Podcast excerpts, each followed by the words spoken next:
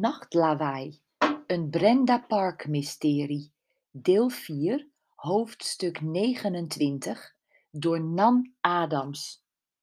Met een van horror vertrokken gezicht keek ze naar beneden. Karen scheen met haar mobiel lampje omhoog. Shit, Brenda, gilde ze. Ik hou hem niet meer, bracht Brenda nog uit.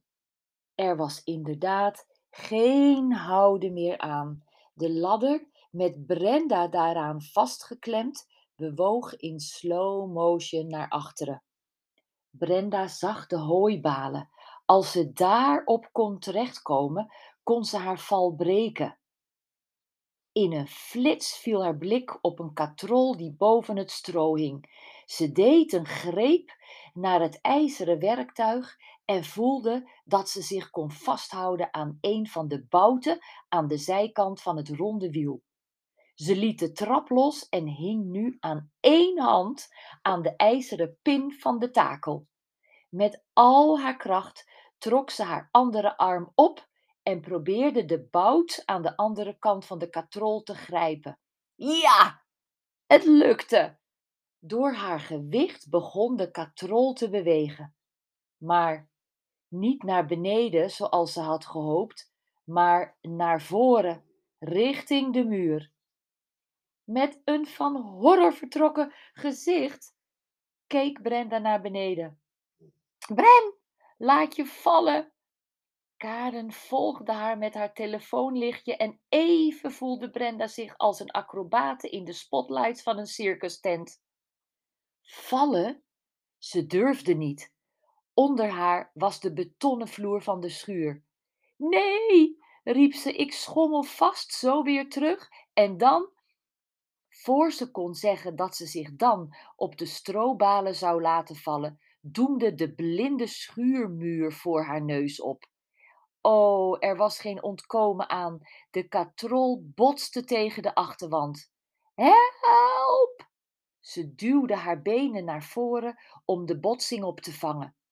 Met een harde knal bonsde ze tegen de stenen.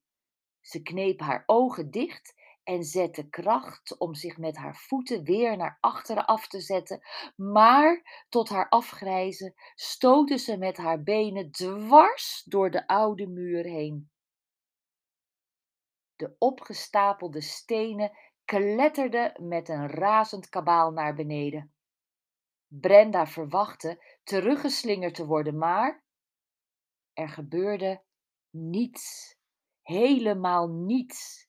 Ze hing met haar benen en billen over een restant van de achterwand van de schuur en zat muurvast.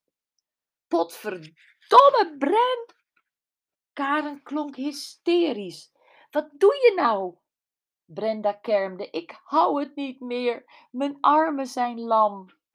Karen trok aan een strobaal in een poging die onder Brenda te schuiven, maar het lukte niet. Ka, ik kan niet meer, ik ga loslaten. Brenda keek angstig naar beneden. Daar zag ze wat ze verwacht had. De afgebrokkelde muur was geen buitenmuur. Er zat een inktzwarte ruimte achter.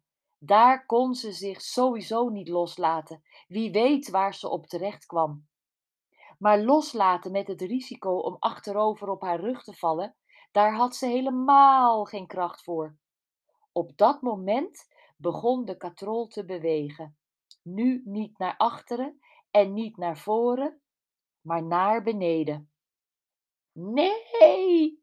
Haar woorden stierven weg toen de katrol met een hoop gedonder losschoot en Brenda in de duisternis achter de ruïne van de muur verdween.